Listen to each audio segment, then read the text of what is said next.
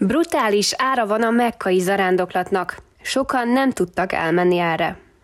David Beckham beszélt egy angliai zsinagóga színpadán. A Hit Radio hitéleti híreit hallhatják.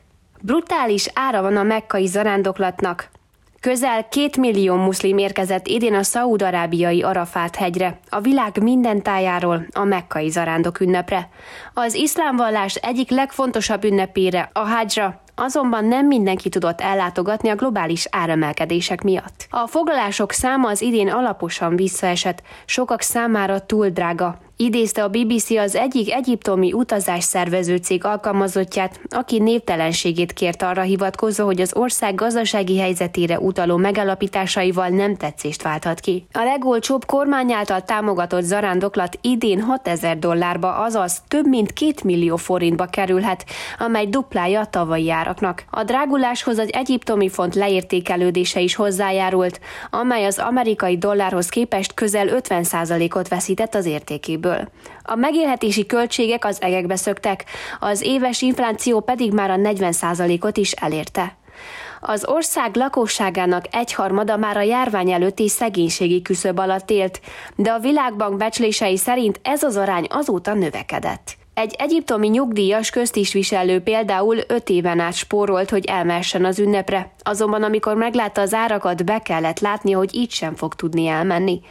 Az utol lehetőséget is kihasználva végül az úgynevezett Hajj vízum helyett egy három hónapos turista vízummal utazott Mekkába, több mint egy hónappal az ünnep kezdete előtt. Az iszlám vallás szerint a muszlimoknak életük során legalább egyszer kötelező ellátogatniuk Mekkába, hogyha annak nincsen fizikai vagy pedig anyagi akadálya. A világjárvány óta idén engedélyezték először a teljes kapacitást az ünnepen, amelyen általában másfél-két millióan vesznek részt, és amelyre a világ legnépesebb muszlim országából, Indonéziából érkezhettek a legtöbben. A kiadások mellett háborús akadálya is voltak az ünnepen való részvételnek. Szaúd-Arábia háború sújtotta elszegényedett déli szomszédját 2015 óta egy kiéleződött konfliktus sújtja. A szaudiak vezettek katonai koalíció azután avatkozott be, hogy az Irán által támogatott Houthi mozgalom átvett az ellenőrzést az ország nagy része felett. A harcokban eddig közel 150 ezer ember halt meg, amelyek a világ egyik legnagyobb humanitárius katasztrófáját idézték elő. A jemeni zarándokoknak 3000 dollárt kellett fizetniük a zarándoklatért, amely hatalmas összegnek bizonyul egy olyan országban, ahol a lakosság csak nem háromnegyede humanitárius segélyre szorul, és a 30 millió lakos közel 17 millió arra kérdése sem tudnak válaszolni, hogy mit tesznek majd legközelebb.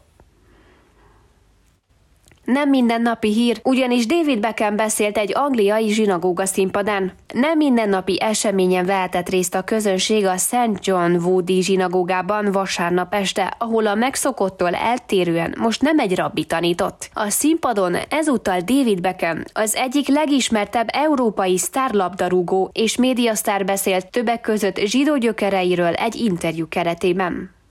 Dolgozz keményen, légy alázatos, hallgass a megérzéseidre és a helyes értékrendedre, mondta David Beckham a közönségnek a rendezvényen. Tagja vagyok a zsidó közösségnek, és büszke vagyok arra, hogy ezt mondhatom, jelentette ki. Az interjút Ben Winston, a néhai Lira Winston fia készítette Beckham-mel, és miután felajánlotta a közönségnek egy fotózást, mindenkit megkért, hogy tegyék el a telefonjaikat, hogy nyíltabban tudjon beszélni.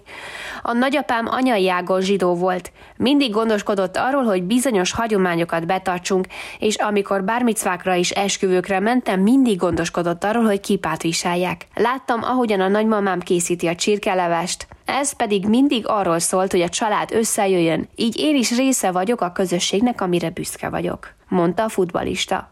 Winston próbára tette Beckhamet, hogy vajon még mindig el tudja mondani az úgynevezett kenyérbrahát, de Beckham átment a teszten, mivel gond nélkül be tudta fejezni héberül. Beckham a Stony otthonáról is beszélt, ahol szüleivel élt kisfiúként és teát főzött fodrász édesanyja ügyfeleinek, valamint arról, hogy édesapja, aki gázszerelőként dolgozott, hatalmas Manchester United szurkoló volt.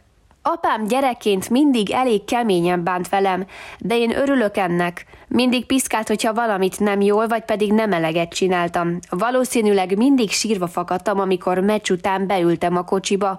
Akár jól vagy akár rosszul játszottam, mindig elmondta, hogy mit kellene tennem. Amikor profi labdarúgó lettem és voltak nehéz pillanataim, csak azért tudtam túljutni rajtuk, mert apám nagyon kemény volt hozzám és ezért pedig hálás vagyok.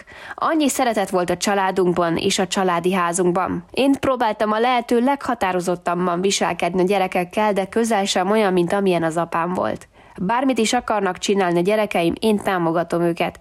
Csak azt akarom, hogy boldogok, udvariasak és alázatosak legyenek. Részlet ezt a híres focista.